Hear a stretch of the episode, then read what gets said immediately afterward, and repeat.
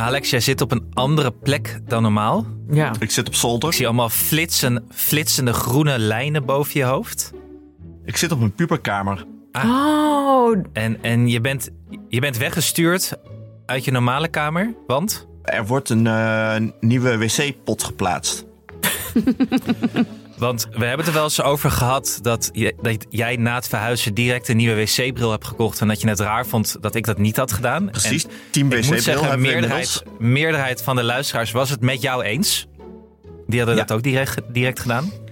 Maar wat is het? Moet ik ook een nieuwe wc-pot? Is daar ook een eh verjaard dat ook op een gegeven moment? Ik weet het niet. Heb jij, heb jij eh, ten eerste eh, wat bij ons gebeurd is, heb jij al de keramiek van je wc geboend? Eraf geboend eigenlijk, zodat het eh, niet meer schoon wordt.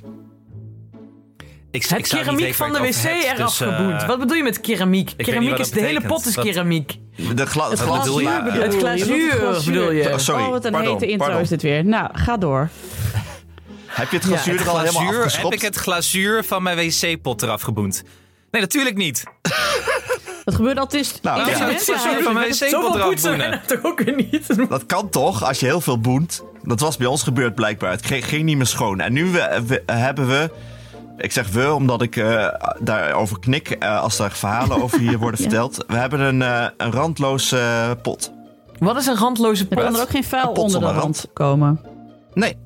Kia Nienke weet dit soort dingen. Een pot zonder rand. Maar waarom Ja. heeft een pot eigenlijk een rand? Dat daar het water uitkomt. Ah. Maar waar komt dan- bij jou het water uit dan? Doe je zonder water? Jawel, maar de, de, de, een soort magische rand komt daar water Hij uit. heeft een emmertje naast de wc staan en die gooit hij... Nee, Zo'n luchtdruk wc die dan zo alles Ja, er weer uitzuigt. Ja, een soort een NASA-wc inderdaad.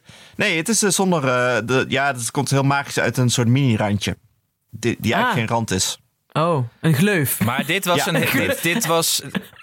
Het gaat ook goed hè, met Nederland. Dat we over dit soort dingen met z'n allen aan het nadenken zijn. Mijn hemel, jongens. Ja, dit is echt... Als we al een onderwerp, een een onderwerp hadden kunnen... zeg. Een onderwerp hadden Oh, je kunnen bent kapot met bedenken... de rand. Oh, wat armoedig. Oh, jeetje. Om iedereen zeg de maar, wc, hoor. bij de eerste vijf minuten al weg te jagen van deze aflevering. Nou, De, potloze er rand, in Nederland randloze 1 pot. miljoen mensen Ja. in armoede. Maar zoals ik hoorde van huisarts Michel van Tommelo... statistiek loopt altijd achter op de werkelijkheid. Dus het zullen er nog veel meer zijn. 1 miljoen mensen in armoede. Wij hebben het over een randloze wc-pot. Nee, maar nu maken jullie weer van de rand een soort kloofonderwerp thema. Wat helemaal niet zo is. Je hoeft, geen, je hoeft niet heel rijk te zijn om een eh, randloze pot eh, te hebben. En je kan wel heel gefrustreerd raken van hele vieze bruine randen eh, in je pot. Hadden jullie dat altijd in je, in je Ja, ik heb daar- ik heb daar gewoon niet studentenhuis? zoveel last Hadden jullie dat in je studentenhuis dat dan ook al het glazuur tussen de, van de tegels af was... omdat er dan zoveel gekotst was om die pot heen? Ja, en, en zo'n zo'n verwarmingje waar, waar, alles, alles was... eh, een verwarmingje waar roestplekken op zaten van al die pies die daar honderd jaar tegenaan was Yes. ge, gespetterd. Ja. En iemand die ergens in een, in een douche of een wc een soort houten kastje ooit had neergezet. Dat helemaal krom getrokken was van het vocht uiteindelijk. en mijn eh, huisgenoot Adriaan die een keer op vrijdagmiddag de hele wc-pot onderscheet... en toen eh, gezellig naar zijn moeder in Weijen ging. Ik ben op een gegeven moment verhuisd. eh, om- omdat we gewoon de wc. We kregen hem gewoon niet meer schoon. Oh jee. Er was, zat gewoon. Er was een geur ingetrokken die we er niet meer uitkregen. Toen zijn we maar verhuisd. Ik ben, ben nog altijd benieuwd hoe het met die wc-kamer gaat in dat Het is toch appartement. wel... Welk appartement? Dan kun je misschien, kunnen we misschien eh, erachter komen. De Finderlink opzoeken. Nee, ik ben, ik ben bang dat mensen de schade op gaan verhalen. Ja, ja, ja. Er zat zeker geen, eh, daar zat zeker geen glazuur meer op die pot. dat kan ik je wel vertellen. Ik dacht, het huis is afgebroken Ja. gewoon. Zo doen ze dat in Amsterdam. Nergens meer glazuur in dat appartement. Oh, wat wa- Maar sexy appartement. intro. Zullen Ja, we leuk hè? lekker. Ja. Nou, Nienke, Als er nog eh, wc-vragen zijn, want ik heb ook eh, heel veel eh me moeten verdiepen in een AO of een PK eh eh Nee, nu gaat het echt te saai ding. maken. Ik ga gewoon de intro Nee, doen. sorry. En ik wil even Sorry. tegen de luisteraar zeggen... als je zover bent gekomen, hoera voor jou. En na de intro wordt het echt interessant... want we hebben een gast die wel dingen weet. En het gaat niet, Die niet over wc's niet gaan over wc-potten, inderdaad. Jawel, jawel, laten we wel... Ergens moeten we toch wel van hem weten... of hij bekend is met het fenomeen potloze rand. En nieuwe wc, nieuwe wc-bril Toch? bij verhuizen. Wil ik ook graag weten. Ja, ja, en of hij ja, we gaan het wel even vragen. een plons wc heeft of dat hij een, eh, een, eh, een horizontaal eh, dingetje heeft. En met een, met een verdieping. Plateau. Ik ben Nienke, de moeder van Janne van wc. 6 en Adam van Plateaupot. 5 en Kees van 2 jaar oud. En samen met Alex van der Hulst, vader van René van 11 en Jaren van 7. Hanneke Hendricks, moeder van Alma van 6. En Anne Janssens, vader van Julius van 6 en Dunja van 3. Maak ik, ik ken iemand die, een podcast over ouders, kinderen, opvoeden en al het moois en lelijks dat daarbij komt kijken. Met in deze aflevering een gast en het is Tim Gauw, de thuisblijfvader.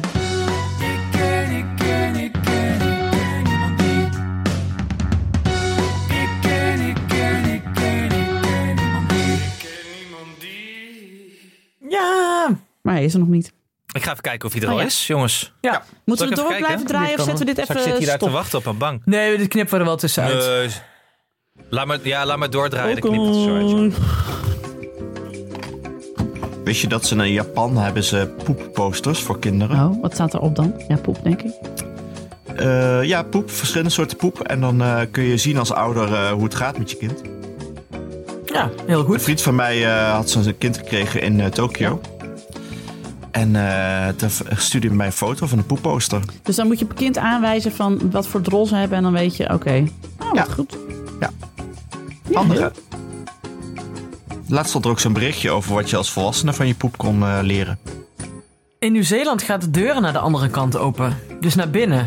Ja, en het draait eh, andersom, toch? En eh, Is dat niet een... eh, is dat echt zo? Ik dacht dat dat... ja, dat heeft toch met de evenaar te maken? Ja, ja iemand zei dat toen en het is mij daar nooit opgevallen. Nee, dat ja, zal wie wel. kijkt er nou naar? Ja, Hoe je draaikolkje gaat. Nieuw-Zeeland. Is er eigenlijk veel vernieuwing in de, in de wc-industrie, Alex? Ja, heel erg. eh, Want, eh, zwevende toilet was sowieso een doorbraak, hè? Hè? Het zwevende toilet. Ja, ja, ook De dat. niet Nee, maar je kan dus... We hebben dus een best een jaren 50 huis. En ehm, wat daarin zat, dat kun je allemaal niet meer krijgen. Dus je moet allerlei nieuwe potten kopen... die dus niet meer passen op onze oude aansluitingen. Dus die branche die zit allemaal nieuwe dingen te pushen. En dan moet je je hele wc voor verbouwen. Als je een oud huis Belachelijk hebt. dat die techniek niet stil heeft gestaan sinds de jaren 30. Echt absurd. Waarom kunnen ze niet Wij gewoon hebben hier nog houden steeds gewoon het een... is? eh, nog Ja, gewoon het het, is het allemaal gemak mannetjes. hebben wij hier nog bij de slotgracht. zit gewoon een gat hier en, en, dan valt het zo naar beneden in het water. Wat is er mis met de Ja, auto? recht hoef je nooit te poetsen. Nee, wij hadden dus vanochtend nu eh, zo'n wc, met, eh, zo'n wc met knopjes? Knopjes. Jij hebt zo'n trek... Ja, ja ik weet niet. Ik, zo'n stortbak in het plafond. nee, ik was een keer in Japan in een winkelcentrum. eh, moest ik naar de wc. En in Japan hebben ze alleen maar wc's met ellendig veel knopjes erop. Die allemaal dingen kunnen doen Oh, waarvan ik niet ja. precies weet wat er dan gebeurt. Maar ik dacht op een gegeven moment dat ik wel wist... schoonblazen. Ja, ja, er komt overal water uit en zo. En eh, blazen en muziek Ah. komt eruit. Van alles. Maar je dat? Zijn jullie, eh, daar ben ik wel een beetje. Zijn jullie eh Ik zit midden in een verhaal, als jullie in Frankrijk zijn? Ik zit echt Oh, van... Ik, ik, zat, ik was echt... Ik, zat, ik was Ik dacht bezig dat je klaar met, was. Ik was bezig met de opbouw, zeg maar. Dit was de intro. Oh, Nog. sorry. Ik weet dat ik af en toe langdradig ben, maar je hoeft... Ja, dit was wel... Dit, was wel, dit ging vrij ver, vind ik zelfs. Ja, maar goed. Ik zeg niks meer. Nee. Nou ja, maar, Maar jij moet zo ga door Dus, nou dan. ja, nee, het was... Ik vind het ook wel mooi geweest nu. Wat wilde je zeggen, Alex? Nee, ik, Ik wil het op- weten. Ik Nee, wil het weten. fucking hell je verhaal Ik luisterde heel aardig. Nou, ik ik dacht heb niet dus een gezegd. Ik heb niks gedaan. Ik dacht dus op een gegeven moment dat ik wel door had wat welk knopje was. eh na wat schade en schande wijs te zijn geworden. Dus ik zat in dat winkelcentrum en ik, ik moest poepen. Ik moest gewoon poepen in een winkelcentrum. Kan de beste overkomen, weet je? Ja, als je moet, als je moet Als dan je moet moet, je. dan moet je. Doordat het Japanse eten, dat werkte een beetje op mijn darmen op een gegeven moment. Net Ik als moest- toen. eh, Ga je nou weer? Begin je nou weer Ja. iets nieuws? Had Alex. oh. Nee, ik wou het. eh, Op een, Nee, je laat hem eerst een verhaal afmaken en dan kom Oh. jij. Schrijf het maar even op. Ja. Anne, maar Nou jij ja. moet ook meteen door en niet zo lang wachten steeds. Dus ik, ik, ik loop daar weg en ik druk op het, op het knopje om, eh, om door te spoelen. Maar, eh, en ik sta op, maar toen eh, bleek dat ik toch het bidet-knopje had gedrukt. En er kwam toch een straal over mijn kleren heen, over mijn, over mijn benen, over mijn shirt. Ik was zeik en zeiknat kwam ik die wc uit van het toilet. En er stond echt een rij voor de deur op dat moment. Want ik, ik moet toegeven, ik had daar best lang gezeten. En die wc Ja, was nat, je- ik oh. was nat. En die Japanners die keken me zo aan van, oh, dat is zo'n westeling die weer... we hebben weer dus zo'n dat- westeling dat- te pakken met onze technologie. We hebben er weer een. Ja, maar Ik ook zat te soppen Westerling. door dat ik denk, eh, winkelcentrum, jongens. Tot in mijn Oh. sokken stond het. Maar ik denk ook dat de kak van een westerling veel viezer ruikt. Dus dat ze daar ook van eh, boos op Nee, juist niet. Juist wel, toch? Jij denkt Nee, dat de kak de- van een westerling viezer Ja, met al die zuivel en al die kaas. Wat Nee. is gaat toch meuren en al die... Is hoe meer er? specerijen, hoe, hoe viezer het stinkt. Heb ik wel eens van een rioolmedewerker gehoord. In India stinkt het het ergst. Oh, jongens, Ja, maar in Japan Tim is er, is schone... Ja, Oké. Hoeveel gesprek, eh, dingen. hoeveel gesprek heb jij met rioolmedewerkers? Ah, gewoon. Moet je ook eens mee praten. Ja, dat is ook wel leuk. Maar jij had toch in de, in de arena toch ook al zo'n poepverhaal? Had ik een poep Wat je ja. laatst verteld. Ja, toen ging je niet naar een concert in de arena. Ja, dat Omdat je zeker. Naar was. Justin Timberlake. Dat was Justin Timberlake. Ging je niet naar de Diarena. Toen waren er nog luisteraars. eh, ja. Oh, Oh, ik vind het nu al een top aflevering. Toen waren er nog luisteraars zijn jullie die nou- berichtjes lijken wel dronken weer. Jezus Christus. van hoe, hoe goed dat concert was. Die kon zich dat concert nog heugen en dat het echt fantastisch was. En ik, ik, ik, ja, Was ook niet wrijf het- invoelend. Wrijf het nog maar eens in. Ja, Hey Tim. Hallo. maar ehm Tim is er. bidetgebruikers? Fresh from the airport. act normal, Tim is er. Koud van de permafrost. Oh. Koud van de permafrost. Je hebt niks nodig, toch? Nee. Je hebt niks nodig, je hebt een koptelefoon. Maar ik zit nu met die brandende vraag. koffie. Koffie gekregen. Ik ben echt heel goed verzorgd. Als er een bidet is, dan vind ik het wel fijn. Oh, ik zou er zelf misschien ooit ook wel eentje willen. Hoi! Welkom. Welkom Tim. Eh, even voordat wij beginnen, Tim, Alex heeft nog een prangende vraag Wacht, aan wacht, ons. hij moet even zijn koptelefoon op. Oh. Ja, Tim, voordat wij met jou... Ah, Hoi, voordat Tim. we met jou beginnen, Tim. Alex had nog een prangende vraag aan ons allemaal en hij kan niet Ja, weg voordat hij hem Tim. gesteld heeft. Ook wel een Tim, omdat het eh, Spanje is volgens mij ook wel het bidet wel in. Bidet. Nou, wat is je vraag, Alex? Nou, heb- wanneer heb jij voor het laatst een bidet gebruikt, Tim? Welkom. Welkom. Nee, je moet eerst vra- vragen van de randloze wc. Dat was het, Nee. daar ging het over. Frans toch een bidet? Het is niet Spaans. ja, Ja. Ja. nou volgens mij ook wel Italiaans. Dus ik weet niet of, hoe het in Spanje zit. Heel veel eh, oude huizen hebben vaak nog wel een bidet in Spanje. En daar kan je dan heel goed eh, de Kijk. voeten van je kinderen in wassen. Als, eh, Ja, dat is handig, hè? Nee. Ja. Maar ik, ik heb ze Dat niet is ook hoor. weer Ik heb zo. een heel, eh, heel Nederlands huis. Dus ik, eh, wij hebben geen bidet. Nee. We hebben Maar heb een je een rand op je wc? En de rand, ja, dat is de vraag der vragen dit van deze aflevering tot nu toe. heeft die wc een Heeft Tim rand? Gauw een randloze pot? Ja, de nee. Een randloze pot? Wat is dat? Ja, nee dus. God, nee, je hebt een rand, denk ik, waar het water uitkomt. Je hebt de rand. Waar je de Chlorix Er zit onder spuit. toch Ja. water aan, Maar dan moet je het zo... en Ja, dan ja, moet je ja. zo... Nee, er zit een rand. Nee, Ja, wel nee, met zo'n dat dat is- dat is oud. doorheen. Ja, nee, dat is kan hartstikke meer. oud. Dit is de kloof. Alex Oud. is nu bezig zijn hele huis te verbouwen om maar... Een alle randen heb ik weggehaald inmiddels. Is het voordeel dat dat dan niet gaat kalken of zo? Of wat, wat, Ja, eh, en blijf schoon. Hoe zie ik dat? Blijft schoon. Ja. Maar eh, met zo, wel zo'n plateautje? Of heb je dat te plonst? Eh, nee, geen plateautje. Nee, gewoon... eh, Direct in het water? Ja. Direct, ah, ja. Je, van die Ja, spetters zo tegen je echt het nieuwste, van- nieuwste van het nieuwste wat je daar kan krijgen hoor. En dan eh, de, de knoppen weggewerkt in de muur. Oh. Hipper dan dat ga je het niet vinden. Oh.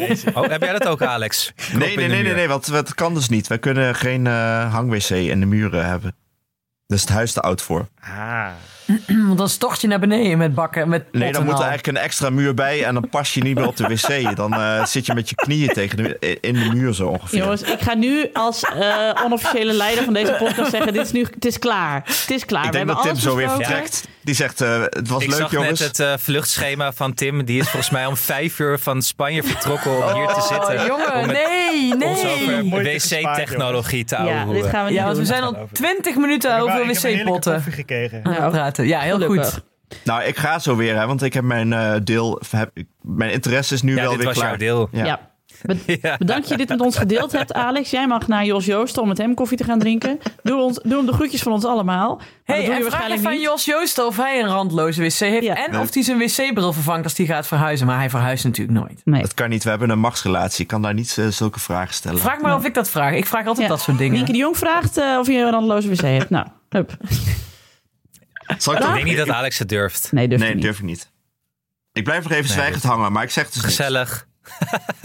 Ik ken, ik ken, ik ken, ik ken niemand die. Eh, aangeschoven, jullie hoorden hem al. Het is, eh, en ik had je ook al geïntroduceerd, Tim, toen je er nog niet was. Maar eh, wat fijn dat je er bent. Helemaal uit Spanje. Tim Gauw van het boek De Thuisblijfvader. Want eh, ja, we vinden het heel leuk dat je een keer bij ons te gast bent. Zodat wij jou kunnen uithoren over hoe dat nou is. Eh, Ja, voor mij is het weer een goede reden om een keer mijn huis uit te komen natuurlijk. Dat is, eh, de niet zo meer thuisblijfvader vandaag. Woehoe. nee, ik, mag, ik mag vandaag mag ik op pad en eh, morgen dan moet ik gewoon weer aan de, aan de strijk. Ja, that's, Ja. that's life. that's Dat is life. live. Ben je Ja. goed met strijken? Nee, ik strijk nooit. Oh nee, ik Goed ook niet. Ja, nee. Nee. Nee, je Is hoeft daar nog niet een nieuwe technologie niet, voor Alex? ja, vast wel. Oké. Stomerij heet dat toch? Ja. Nee, maar Tim, om jou te introduceren. Jij hebt het boek geschreven dat heet De Thuisblijfvader. En eh, dat begint eigenlijk eh, op het moment dat jij, dat jij, jij en je vriendin naar Toronto verhuizen. Neem ons even mee naar dat moment. Hoe was dat? Nou, wij waren afgestudeerd, wonen in Utrecht, had het lekker naar ons zin. En ik had zoiets van, nou, dit, eh, dit hou ik wel vol. Het werkende leven, weet je wel, begint dan. En dan heb je opeens geld en dan kan je dingen doen. Elke avond uit eten en zo. En eh, toen besloot zij, het kriebelde al een beetje, dat ze eigenlijk liever misschien eh, in het buitenland wilde werken. Mhm. Nou ja, zo gezegd, zo gedaan. Ik neem die stappen heel snel, ook in het boek. Ehm, maar ja, ze kreeg op een gegeven moment een baan aangeboden in Toronto. En daar zijn we toen maar heen gegaan. Als een soortje niet wetende, eh, ja, frisse, afgestudeerde mensen. En dan ga je in zo'n hele grote stad wonen en dan voel je je heel klein. Maar op een gegeven moment raakt het vertrouwd. En dan ga je toch een soort van settelen. En nou ja, toen gingen we... Toen vroeg ik er ten huwelijk en toen gingen we trouwen. In New York overigens. New York ligt vlakbij Toronto. Eh, Waar, kom je eigenlijk, waar ben je opgegroeid eigenlijk in ik ben in Rotterdam opgegroeid. Rotterdam. Ja. En, en in Meppel. Ja, Oh, jee. Mijn ouders. ja daar, ging- ik- daar wil ik het zo ook nog even over hebben, over je school in Meppel. Want dat vond ik een heel leuk stukje uit het boek. Maar ja, dat, dat is voor later, cliffhanger. Ja, maar kijk, Toronto is een, is een, is een grote stad, zei ik al. Dus toen op een gegeven moment, toen werd mijn, eh, eh, mijn vrouw toen werd, eh, werd zwanger. Ik kreeg een kind. En we hadden zoiets van, wij gaan helemaal dat, dat urban eh, eh, jungle koppel zijn hier in de grote stad. En laten zien dat je ook hier een, een kind kan, eh, kan opvoeden. En dat ging eigenlijk nog wel redelijk. Behalve dan dat ze niet sliep. Dus Ja. wij sliepen ook niet. Nee. En, eh, Oh. nou ja, we zagen de, de dagen en nachten veranderen. En al die keren dat we lekker uit eten gingen eh, verdwijnen. Dat, dat, dat gebeurde gewoon niet meer.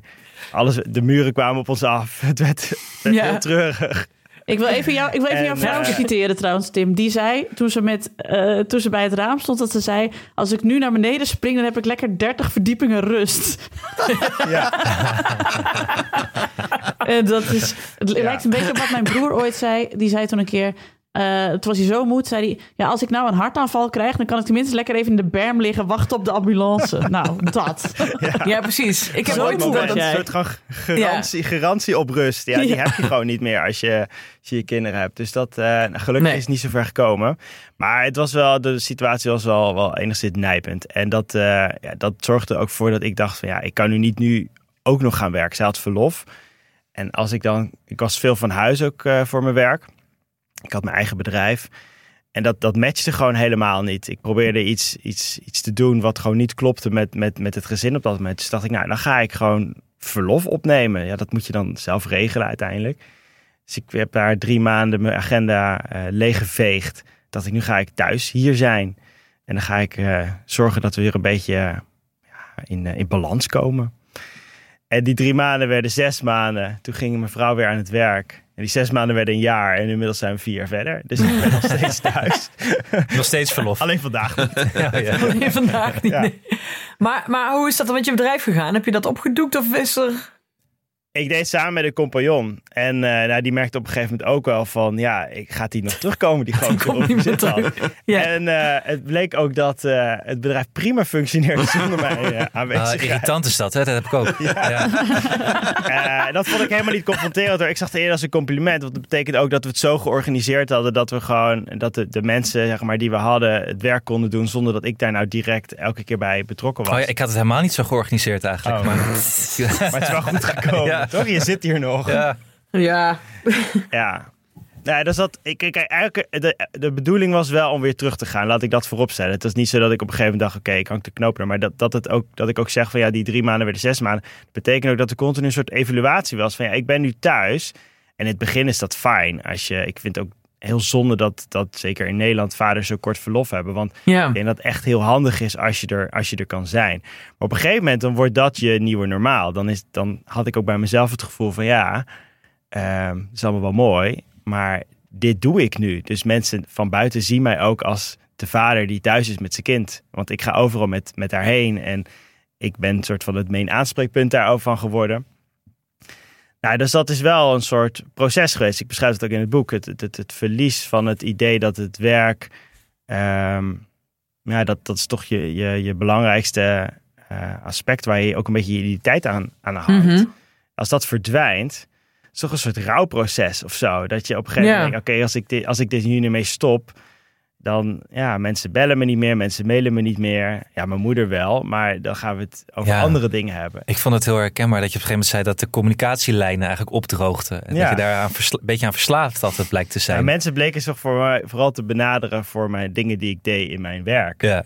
En de dingen Ja. die ik daarnaast deed, dat waren misschien ook wel heel beperkt en niet zo interessant. Maar dat was wel op dat moment mijn realiteit. Ik had wel de behoefte om nog steeds te communiceren met de buitenwereld. Alleen de buitenwereld minder met mij.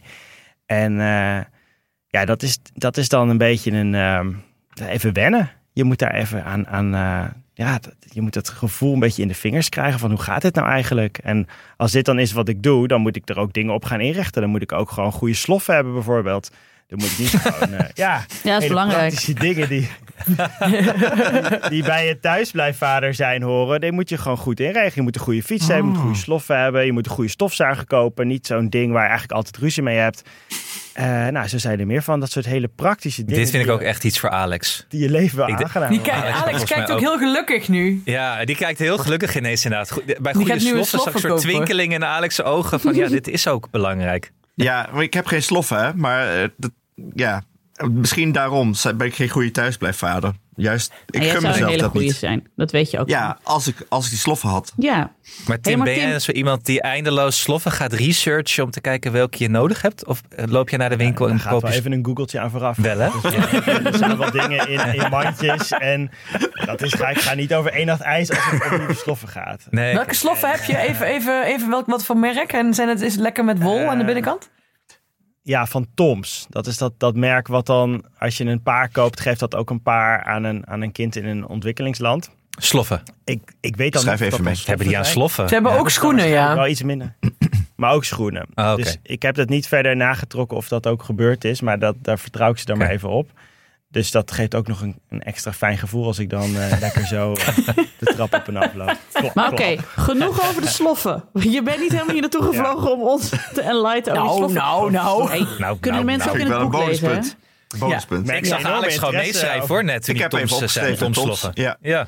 Nee, maar ehm, je, in Toronto ben je al thuis, thuisblijfvader. En dan eh, op een gegeven moment, als je dochter een jaar is... dan besluiten jullie om eh, in Spanje te gaan wonen. Wat dichter bij de familie. En eh, Ja. eh, ja.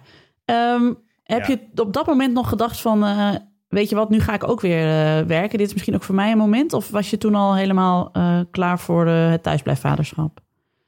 Nou, dat, dat, ik dacht dat ik klaar was om weer te gaan werken. Ik had zoiets van, dit zit, er, dit zit erop. De dochter sliep inmiddels. We hadden daar een hele strekt, eh, strenge slaaptraining onderworpen. En dat had ze zijn vruchten afgeworpen. En ja, het voelde ook wel als een goed moment om het dan weer op te pakken. Eh, Nederland was dichterbij, daar werkte ik ook veel. Dus ik ben ook eigenlijk weer langzaam begonnen.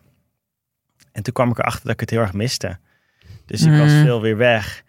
En toen dacht ik, ja, maar is dit nou wel... En mijn vrouw had eigenlijk het omgekeerde. Want toen wij dus naar Spanje verhuisd waren... was voor haar een moment om even eh, een soort, soort mini-sabbatical in te lassen. Ze was toen eigenlijk tussen twee banen in.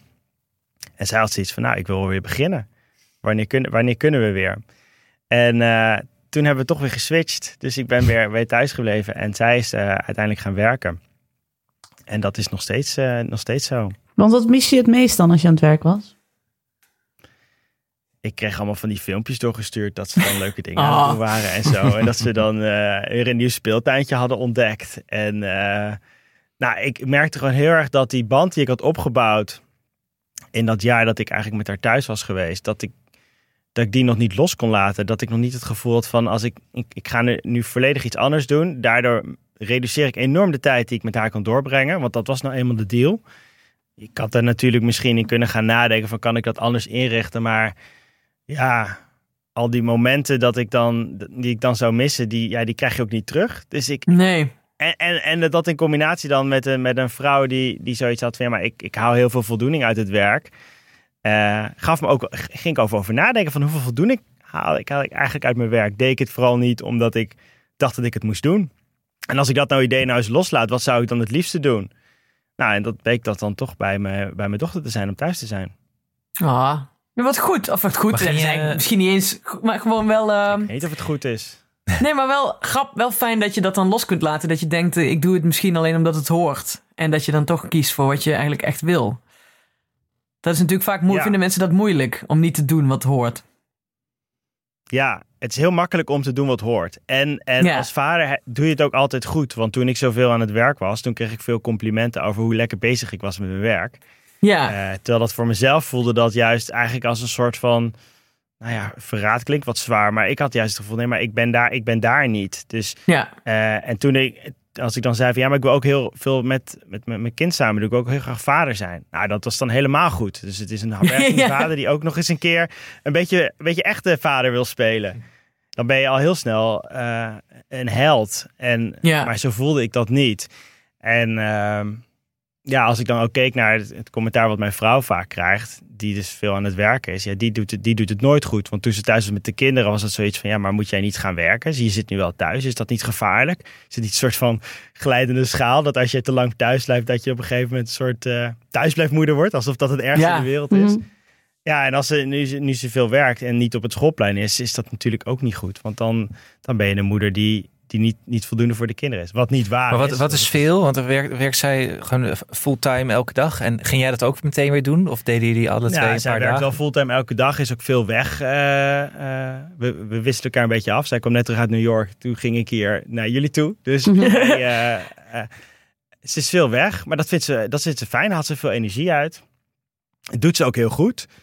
En eh, dat brengt ons ook op plekken waar ik anders niet, niet zo snel zou zijn. Dus ik denk dat dat gewoon heel goed bij ons past. ja. En eh, ik denk ook dat zij een fantastische moeder kan zijn. Dus het, het sluit elkaar niet uit. Het is gewoon een andere invulling. Ehm, en, en, en, en, eerlijkheid gebied ook te zeggen dat zij ook wonderbaarlijk ook nog steeds heel veel in het huis eigenlijk doet. Want wij hebben wel eens een keer een lijstje gemaakt met van wie doet, doet nou wat.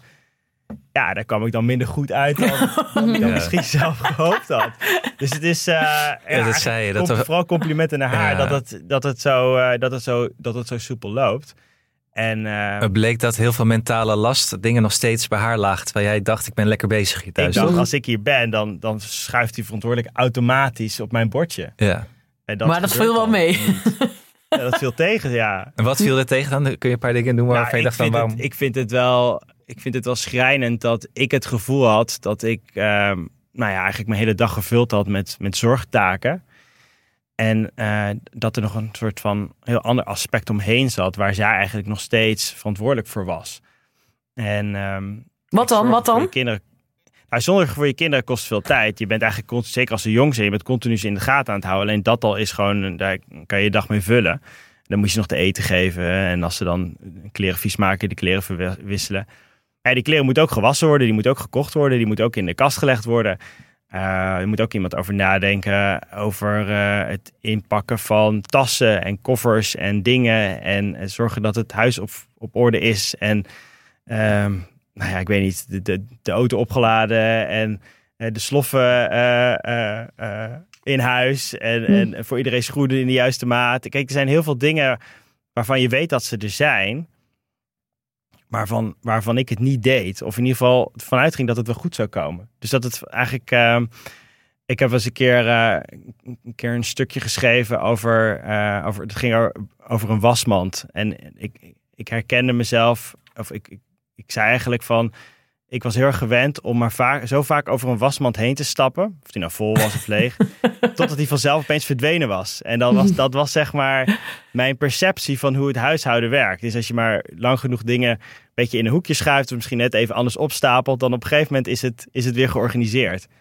Nou, dat blijken dus geen kabouter te zijn die dat dan Nee. s'nachts. Eh, en je kinderen helpen er ook doorgaans niet bij. Dus dat, dat deed zij alsnog. En eh, dat vond ze op zich niet erg. Maar wel belangrijk dat dat, dat, dat zichtbaar is. Dus dat je, daar, Ja. dat je daarvan ziet van... hé, hey, dit is nog steeds iets wat gebeurt. En dingen als afspraken maken bij de tandarts of een kindcentrum en eh, dat Ja, soort dat, dingen. deed, Daar... dan, dat deed ik dan wel. Oh nee, daar Ja, want dat vond mij. ik wel Ja, een weten interessant, stukje uit het boek. Want het is misschien moeten we even een sprongetje maken. En, jullie zijn dus naar Valencia verhuisd. En eh, Ja. jij gaat met je eh, dochter naar de, de, de arts voor een check-up. Beetje zo'n consultatiebureau-achtig iets, stel ik me daarbij voor. Ja, Kun je vertellen wat er ja toen dan ga je gebeurde? naar een eh, kinderdokter. Ja, nou die man, die eh, het was een man. En eh, dokters zijn heel vaak mannen in Spanje. En ehm, niet altijd, maar wel vaak. In witte jassen met, eh, met grote brillen en zo'n stethoscoop om mijn nek. en ehm, Zo'n kinderboekdokter eigenlijk. ja, een kinderboekdokter. Op zich ook wel een vriendelijke man. Maar eh, hij had wel heel erg twijfels met hetgeen dat ik daar kwam doen. Want hij bleef maar aan mij vragen van... joh, ehm, ben jij de vader van dit kind? Ik zei, ja, dat, dat ben ik. Oké, want ja, je gaat er gewoon voor een check-up bij, bij een kinderdokter. Zo. Ze hebben daar geen consultatiebureau, dus je, je, je doet dat op die manier. Ze moest geloof ik een, eh, een prikje of zo. En ja, op een gegeven moment eh, eh, bleef hij vragen van... ja, hoe ontwikkelt ze zich en gaat alles goed en beweegt ze goed? Ik zei, ja, ja ik, ik, ik, ik denk van wel. Ik, ik heb geen klachten of ik zie geen, ik zie geen abnormaliteiten of zo. Hij bleef me maar heel sceptisch aankijken. En toen kwam op een gegeven moment kwam de aap uit de mouw. Want eh, hij vroeg van, heb je wel eens, ehm, heeft ze wel eens van die tantrums of zo'n, ja, hoe heet dat, een huilbui? Of, Ja, ja, ja. blijft hangen. Ze had het echt maar op dat moment de leeftijd, volgens mij zat ze de twee en de drie, dat ze dat, dat, ze dat hoorde te ontwikkelen. Ik zei, nee, echt het liefste kind van de wereld. Eh, ja, dat doet ze nooit. En eh, als er iets is, dan, dan lossen we dat op. En toen zei hij, ja, dat is nou eigenlijk de reden dat ik liever altijd de moeder mee heb bij dit soort gesprekken. Want die kennen hun kind tenminste door en door. Ah. ja, zo, ke, ke. Ja, en dan stond ik daar in mijn brakke Spaans toch wel echt even uit te leggen dat ik degene was die de hele dag bij haar was. Nou, dat ging er toch echt niet bij die man in. Dus ehm, ja, zo zie je maar. Er is ook in, in Spaans, als je zegt dat je huisman bent, dan ben je amo de casa. En dat, is, dat vertaalt zich dus meer of meer naar, naar huisman. Maar dat, is, dat, dat hoor je bijna nooit. Het is een beetje... ehm, je hoort, het is altijd a- ama de casa, dat is dus de huisvrouw. Die vervoeging is veel logischer, want dat, dat klinkt normaal. Het is een beetje zoals zeg maar als een mannelijke eh, zuster. Daar is ook niet Ja, precies. Secretaresse. Ja.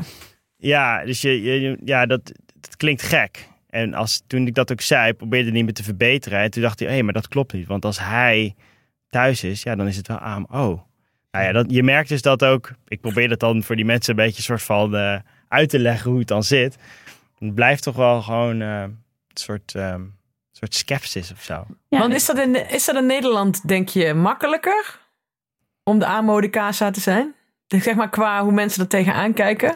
Nee, nee, denk ik niet. Want ik denk dat, eh, en dat merk ik natuurlijk nu, nu ik een, een boek erover heb geschreven. Een thuisblijfvader is gewoon een, een curiositeit. Gewoon Ja, een punt. ja. Het, is gewoon, het is gewoon iets raars. En eh, daar, daar, er zit een verhaal bij, of er is iets, daar, is, daar is iets aan de hand. Een thuisblijfmoeder is het soort van heel, het zijn we heel normaal gaan vinden, maar zijn we wel kritisch op. Want we vinden eigenlijk dat huis, eh thuisblijfmoeders meer moeten werken, want ze moeten financieel onafhankelijk zijn, et cetera. Die vraag krijg ik nooit over financiële. Dat ik financieel Nee? afhankelijk ben van mijn vrouw, dat is voor mensen gewoon prima. Ik ben een vader die heel betrokken is bij zijn kinderen. Twee duimpjes voor mij. En eh, dat is natuurlijk heel gek. En dus je merkt ook, ja, normaler. Ik denk dat je het prima kan zijn. Net als dat ik, hè, je, maakt, je moet het zelf weten, het is jouw keuze.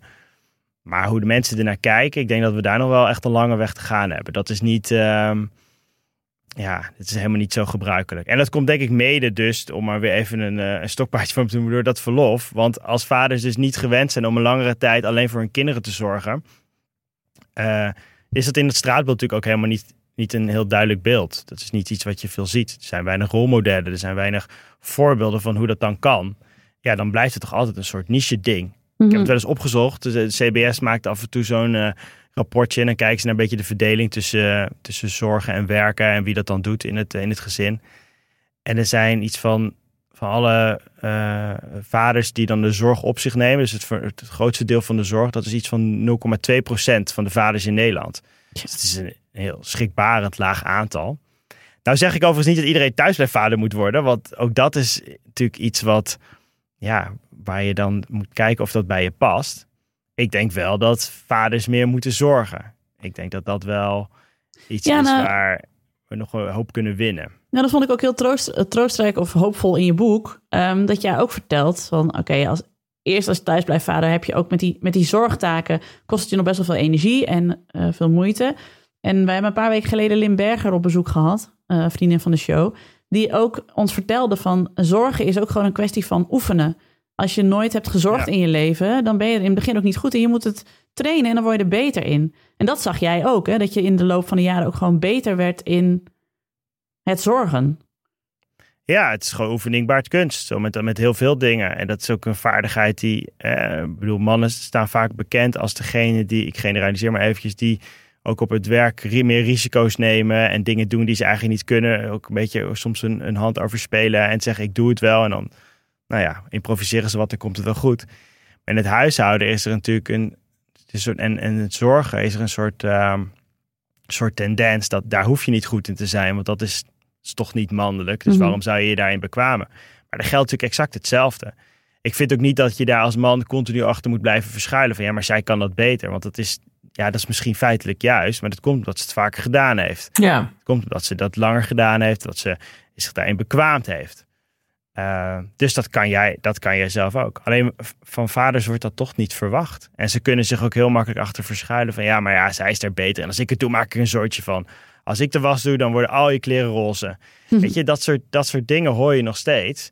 En dat is natuurlijk heel makkelijk, want daarmee wuif je het ook weg. En dan, is, dan, dan kom je niet eens tot het punt dat je jezelf erin zou bekwamen. Want dan acht je dat niet eens mogelijk dat je er ooit wel in goed in zou worden. Terwijl, kom op zeg, wasmachine bedienen. Mhm. Ja, het is, ik, eh, die van mij is in het Spaans. Dus zelfs mij lukt het. weet je wel. Ik bedoel, eh, ja, zo moeilijk is het allemaal niet. Alleen je moet het wel willen.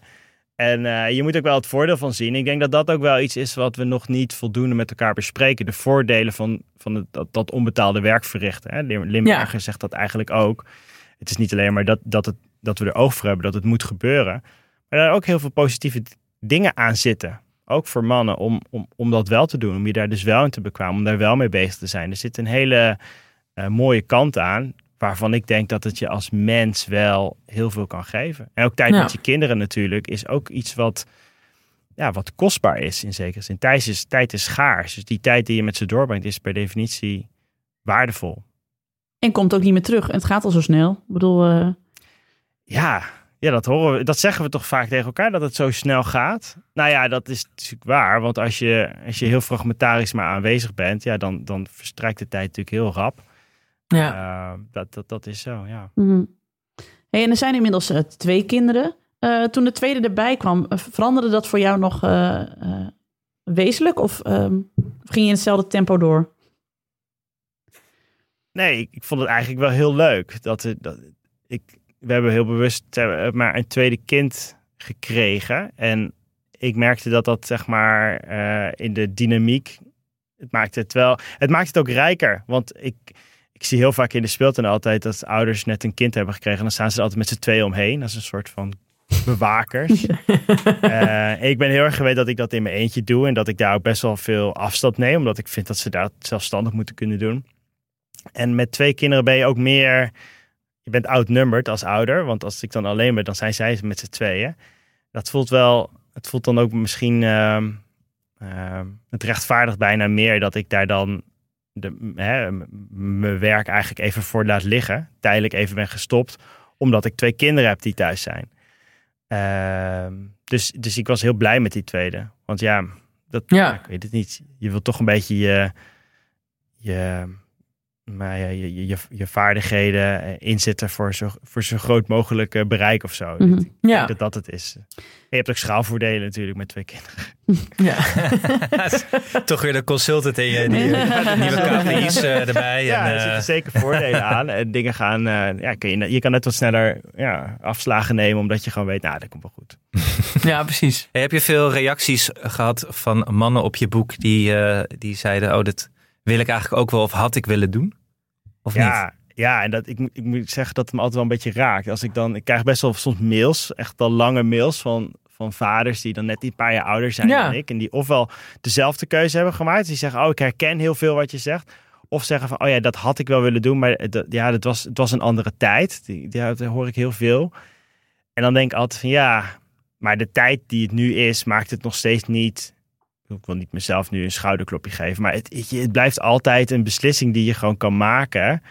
Eh, eh, het is, je- ja, je hoeft niet te doen wat er van je verwacht wordt. En eh, ik vind het ook heel moeilijk van wat moet ik dan zeggen? Van ja, had ik maar. Vind ik altijd sowieso spijt, is een beetje ingewikkeld. Maar Hmm. Ehm, ja, ik, had, ik krijg dat wel veel. Ik kan, hè, dat, dat, dat vaders tegen mij zeggen, ja, ik had ook wel meer tijd met ze door, willen doorbrengen. Of ja, ja, ik was altijd, was toen druk. Ja, dat kon toen niet. En het zal in sommige gevallen ook waar zijn hoor. Want er zijn natuurlijk genoeg werkgevers die helemaal niet meewerken aan flexibele werktijden of, of, of dat soort dingen. Maar ja, ik denk dat het is, wel, het is ook wel jouw verantwoordelijkheid. Ja, want dit, dit raakte ook wel aan eh Limbergers boeg. Of zij beschreef dat inderdaad ook. Ja. Het ging toch, ik ben even het eh, exacte woord vergeten dat zij gebruikt. Maar dat, dat er voor veel vaders natuurlijk de verwachting was van... jij moet zorgen dat er eh, brood op de plank komt, dat er geld binnenkomt. Ja, En de verwachting die de klem is dat volgens mij. Ja. Ja, precies. zo heette dat. Ja. Ja. Ik ben even vergeten wat ze dat Ja. noemden. Maar, dus, eh, en jij maakt dat heel eh, concreet voor heel veel mensen die dit lezen. Dan denken van shit, dit heb ik dus gemist. Want dit werd niet van mij verwacht. Ik heb andere afslagen Ja. genomen. Maar dit had ik misschien liever willen doen. Ja, en ik ben vanuit hetzelfde uitgangspunt vertrokken. Want ik bedoel, niet voor niks heb ik het best wel lastig gehad met dat ik opeens mijn eigen bedrijf soort van liet voor wat het was en, en dit ging doen. Eh, en nu inmiddels gaan mijn kinderen naar school, dus ik zit in een andere positie. Dus ik, ik kijk ook weer anders naar, naar die, die rolverdeling. En, en ik ben ook eigenlijk alweer stiekem een beetje aan het werk. Dus, eh, maar maar dat, die, die eerste periode, die eerste paar jaar, dat ze, dat ze zo klein zijn en dat je dan bij ze kan zijn. Dat heeft mij wel heel veel gebracht. En ik gun dat eigenlijk elke vader. En zeker al die vaders die dus zeggen dat ze het eigenlijk wel zouden willen. Want dat zijn er stiekem veel meer dan ik in eerste instantie had verwacht. Ik had toch wel een beetje het gevoel snel weggezet te worden als van, oh ja, wat is dat voor, voor mafkees die dan Mhm. met zijn kinderen gaat zitten. Waarom zou je dat doen als vader? Er is toch niemand eh, die dat van je verwacht. Maar dat is precies het probleem. Niemand verwacht het van je. Niemand Ja. zal... eh, ik, ik las vandaag nog over die, die DJ die ze hebben weggestuurd bij... eh, Ja, onze vriend Wietse onze goede Ja. ja, en dan, en dan hoe dat dan. De, de, de, eh, ook de woordkeuze van ja, nu heeft Ja. hij vijf papadagen, dus eh laat hem maar lekker. eh, en denk, Ja. ja. maar er was zoveel minachting voor het feit dat hij gewoon opkomt dat hij, dat hij tijd aan zijn gezin wil besteden. En dan misschien heeft hij niet het juiste beroep gekozen, dat kan ik niet beoordelen. Maar Ja, en hij, kla- klaagt ook wel veel erover. Nee, maar ik vond het ook. Er stond zo'n geriatrisch blog op Radio Freak van ja, Patrick Kikken, wat natuurlijk ook echt. Ja, Ja, Nee, oké. verwacht er ook niks Dat is van. weer het maar an- ik, ik las dat en ik dacht, het is zo jaren 50. Zo van, als je voor dit beroep hebt gekozen, dan moet je dat ook meer dan fulltime. En het is een levensvervulling. En, en dan had je het niet over het ouderschap, dan had je het gewoon over radio-dj zijn. Ik weet niet hoor. Dat is toch gewoon... Ja, ik wil het niet, ook niet bagatelliseren, maar schuif je open, hier is Rihanna, schuif je dicht, dan gaat hij weer. Ja, kom op. Dat is, als dat je roeping is, schat. Weet je, dan snap ik heus dat het Wietse de Jager denkt, nee, ik wil gewoon wat meer thuis zijn bij mijn vier kinderen, want ik heb hartstikke leuke kinderen en ik woon in de mooiste stad ter wereld. Weet je, waarom geniet ik daar niet meer van? Sorry Tim, we wonen allebei in Zwolle, Wietse en ik. Daarom zeg ik dit. Maar, Oh. eh, oh. oké. Dus, eh, Oké. nee, maar, de- maar dat Ik je ken Zwolle, mooie stad. Dank je. Maar dus dat is eh, wat jij zegt inderdaad. Er wordt nog zo, eh, ja, echt een beetje jaren 50 achterover gedaan. Dat, dat een man een keer zegt zo, ja hoor eens, ik wil gewoon wat meer tijd aan mijn kinderen besteden. Alsof dat iets goors Ja. is of zo. Nou, volgens mij is het ook Ja, dat steeds meer dat aan, het verplaatsen naar wat Lin ook al zei. Het is soms wel goor. Ja, Het is hallo. Ja, zo, zo, ja me wel lezen. Nee, maar het is, het is volgens mij dat überhaupt dat zorgen is steeds meer aan het verplaatsen naar iets wat je niet. eh, wat je, waarom ga je niet werken? Weet je wel, dat wordt. Dat, dat vind ik wel. Dat, dat, dat het ook bij. Dat wordt dus bij zo'n Wietse de Jager neergelegd. Maar bij vrouwen wordt het ook neergelegd. Dat je je moet verantwoorden als je de hele dag thuis wil blijven. Wou ik zeggen. Dat Hm. klinkt ook al, is ook alweer een gekke woordkeuze natuurlijk. Maar goed. Ja, ja, het is natuurlijk gewoon werken, alleen het is onbetaald werken. Ja, En precies. Ik vind het wel goed dat we nu met elkaar in ieder geval dat gesprek daarover hebben. Dat die tijd, die, die kan je niet aan andere dingen besteden. Het is Nee. niet van je kan het en-en doen. En als je dus zegt, hè, in zo'n campagne die de overheid nu gestart is, ja, ga, ga meer werken. Ja, alsof, alsof vrouwen daar niet over nagedacht zouden hebben dat dat een optie is. Het is echt een enorm infantiele campagne. Ja. Eh, die ook nog eens een keer eh, dus voorbij gaat. Dat als thuis dus niet de rolverdeling anders komt. Dus de zorgtaken dus opeens min, in minder tijd moeten plaatsvinden. Omdat iemand gaat werken. Die daar waarschijnlijk goed over na heeft gedacht waarom die eh, zijn tijd zo heeft ingedeeld. Dus overheid, waar bemoei je mee? Ja, dat, dat, dat- snap ik gewoon oprecht niet. Want er zijn zoveel voordelen van een, een, een- een, gezin waar stabiliteit is en waar zorgtaken goed verdeeld worden, waarin goed is nagedacht over, over werken en leven, eh, betaald werken dan. ja, eh, daar moeten we toch eerst met elkaar goed over gesprek over hebben. Voordat we mensen zeggen: ja, kijk, dat is de arbeidsmarkt. Weet je wat het is? Ga daar maar, ga daar maar Ja. je, je tijd besteden. Het is, het is gewoon. Het is gewoon gek. Ik denk, ik zou het omgekeerde zeggen. We zouden veel meer moeten kijken van hoe zorgen we voor al die dingen die thuis moeten gebeuren. Dat dat op zijn minst dat dat geregeld is. Dat we over na hebben gedacht over goed verlof, over kinderopvang, over nou ja, hè, eh, balans tussen, tussen betaald werken en, en, en thuis met je gezin zijn. Eh, ja, en als je dan zo, zoiets over dan, hè, die, die, die wietsen hoort, eh, waar dan een beetje lachig over gedaan wordt, dan denk ik wel van ja, dat is een hele gekke manier om zo'n om, om, om deze discussie die eigenlijk nu opgeradeld wordt, om die zo van tafel te vegen. Van ja, dat is een idioot die wil bij zijn kinderen zitten. Ja. Ja, goed. En Ja, ik denk doen... dat heel veel mensen er niet zo over denken. Maar eh, het, ja, je kan het gewoon zeggen zonder dat daar, dat daar nou echt kritiek op komt. Mhm. Nou, ik zie wel een duidelijk verschil met... eh, mijn, eh, we vieren vandaag dat Podemo één jaar in Nederland is. Ah, ja, hey, Oh, jongens, gefeliciteerd allemaal. Ja. Dankjewel. Mijn, eh, mijn, mijn Deense vrienden. Maar ik merk in gesprekken met, met alle Denen en de Deense vaders voornamelijk echt een groot mentaliteitsverschil hierover. Ja, Die zijn zoveel langer bezig met hun kinderen, zeker als ze zijn geboren. Die hebben zoveel meer tijd om, eh, om, om, om, om zorgtaken te verrichten, zeker in het begin. Ja, Dat is gewoon een keuze. Dat is een po- ook politieke keuze geweest. ja. En wij, maken, wij, wij lopen gewoon wat dat betreft. Ik weet niet of we Achter. achterlopen, ik weet niet of ik het zo moet noemen. Maar we hebben die keuze niet gemaakt Nee. ergens om daar verandering in te brengen. Nee, d- ja. dat klopt. Maar ja, ja, ik, zou, ja, ik woon in Spanje. In Spanje hebben mannen ook gewoon vier maanden verlof. En als je Ongelooflijk, ja. Dan worden, worden dat vijf maanden. Dus Nederland zit er te gesandwiched tussen landen die het blijkbaar wel andere, of in ieder geval andere prioriteiten hebben, hebben gesteld. Ja, ik denk dan, wat ben je dan als klein landje soort van eigenwijs aan het doen of zo? Of wat, waar, waar, waar- wat denk je nou? Zo, Hmm. in Duitsland ook bijvoorbeeld is het ook heel anders. En, en is in ieder geval de, de ja, dat, je noemde het net vies geloof ik of zo, dat hè, dat, dat vieze van die zorgtaken, dat, dat is er wel af. Want je normaliseert gewoon heel erg dat zorgen gewoon een onderdeel is van je bestaan als ouder. In Mhm. plaats van dat je het probeert te verdrukken van oké, ja, dat, dat zal me wel, maar we gaan het vooral hebben vandaag over hoe jij je tijd op de arbeidsmarkt gaat besteden. Maar waarom vinden wij zorgen nou zo goor? Ja, dat- ik heb geen idee. Dus wordt op neergekeken. Het is werk waar je, wat je van, van nature zou moeten doen. En eh, dat hoort er gewoon bij. En eh, voor een vrouw moet dat eh, heel natuurlijk gaan. En moet je dat ook graag willen doen. Want dat is zorgen voor je gezin. En ja, de man hoeft zich daar niet mee te bemoeien. Zoiets? Ik weet het niet. Ja, dat is om heel zagrijnig van te worden, ja, natuurlijk. Maar er zit een systemisch overheidsoverkoepelen, wat Lin ook altijd zegt, en jij dus ook in dit geval, probleem gewoon. Dat, dat, dat er geen ruimte is om die zorgtaken je eigen te gaan maken. Omdat je als man inderdaad maar zes dagen, of hoeveel is het tegenwoordig? Oeh, twaalf of zo. eh, Ja. een verlof krijgt. Dat slaat natuurlijk nergens op. Als je zelfs in Spanje, waar, waar ze achterlopen wat betreft de wc-trends, wel gewoon al vijf maanden thuis mogen blijven zitten. Ja. Ja, dat is natuurlijk heel eh, wonderlijk. En Ja. dan kom je dus ook niet tot, tot het periode. Want ik bedoel, wij hebben het thuis en met, echt letterlijk met, rond de tafel gaan zitten en verdeeld. Oké, jij doet de was, ik denk niet na over de was. Oké, jij doet het eten, ik denk niet na over het eten. En dat zijn gewoon, weet je, dat zijn verschillende. Jij verschoont het bed, jij doet dit. En daar moet wel ruimte voor zijn dat er iemand, dat, dat mensen tijd hebben om dat allemaal te doen. Ja, dus dat. Laat maar. Ja. Nee. Nee, je moet er goede afspraken over maken. En, en het mooie is, ik, ik merk dus dat ik nu af en toe eh, eh, bij mensen, eh, door mensen benaderd word. Of dat ik ergens sta en dat ze zeggen, oh, jij bent die gast van dat boek, De Thuisende Vader. En dat ze dan hun een verdeling, een taakverdeling tegen mij aanhouden. Als, alsof ik daar dan even, hun, even mijn goedkeuring over kan geven. Terwijl ik heb natuurlijk geen idee, want dat is natuurlijk heel persoonlijk. Maar het is wel goed dat we daar met elkaar toch Ja, over precies. praten. Mhm. En dat we dat, eh, dat we dat heel normaal vinden, dat, dat de staken verdeeld worden. En niet automatisch op het bordje van eh, moeder terechtkomen. Want, eh, laten we niet vergeten, al, van al de stellen die beginnen aan kinderen, of zeggen voordat ze kinderen krijgen, eh, eh, die, die zeggen eigenlijk bijna allemaal, we willen het samen doen. Dat is een van de meest gehoorde vragen van ja, eh, als, als, als een stel zwanger is, we gaan het wel samen doen, toch? En dan is het antwoord volmondig ja. Maar in de praktijk doet 10% dat of zo. Die is, slaagt erin om die, om die zorgtaken gelijkwaardig te verdelen. Dus dat is, daar zit een enorme discrepantie tussen.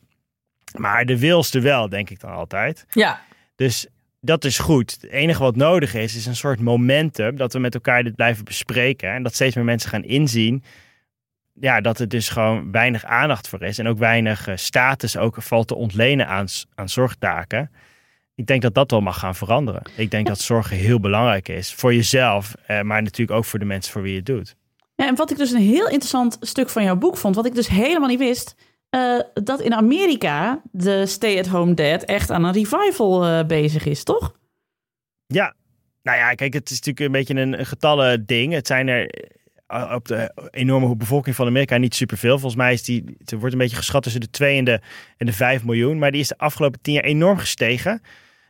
En die vaders die zijn al dan niet doordat ze hun baan zijn kwijtgeraakt. Dat kan natuurlijk net iets makkelijker in Amerika dan, dan hier. Eh, die zijn soort van in, dat, in die zorgrol eh, eh, gesprongen. Sommigen hebben daar heel bewust voor gekozen, zoals ik. Maar hebben zich wel op een of andere manier weten te organiseren om hun stem te laten horen, ook in het, in het, in het debat. Organiseren een congres, organiseren bijeenkomsten. En dat, ja, daar word ik heel blij van. Niet omdat ik denk, nou, dan ga ik lekker met allemaal mannen. ik ga met, je gaat met vaders. Hè? Is, je, je ziet wel zo'n zo'n mannending. Is dat, Ben je erheen gegaan? ik, ik had er heel graag heen gewild voor mijn boek. Maar ja ik weet niet, jullie hebben ook een boek geschreven. Het budget is meestal niet heel... eh, Nee, je kunt niet zomaar naar Amerika. dat soort Nee. grappen. En jij moest thuis blijven natuurlijk, ja. En ik moest thuis blijven, dus moest ook de oppas geregeld worden. Nee, maar eh, zonder gekheid. Ehm, nee, ik had er graag, graag heen gewild. Want ik ben gewoon heel benieuwd hoe zoiets ontstaat. Want ik denk dat we dat heel goed kunnen gebruiken. Eh, ook hier. Want het zijn, het Maar zijn niet de Nederlandse versie organiseren. de Nederlandse versie. Ja, Congres.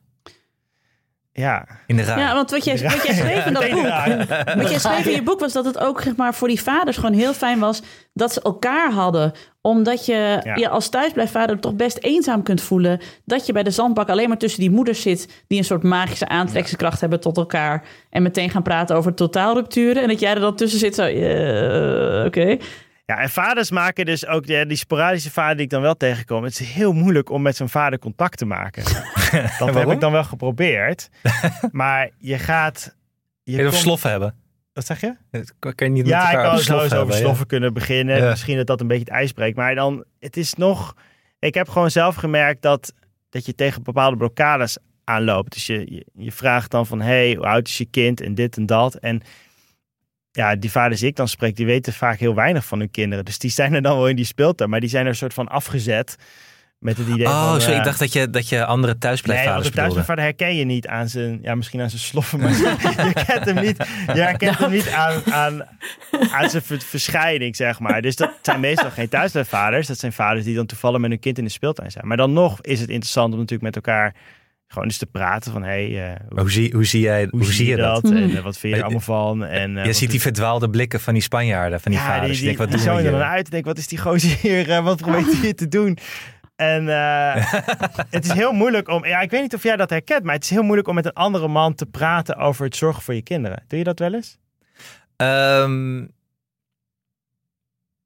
ja, eigenlijk wel. Oké. maar niet alleen met Ja. Alex, toch?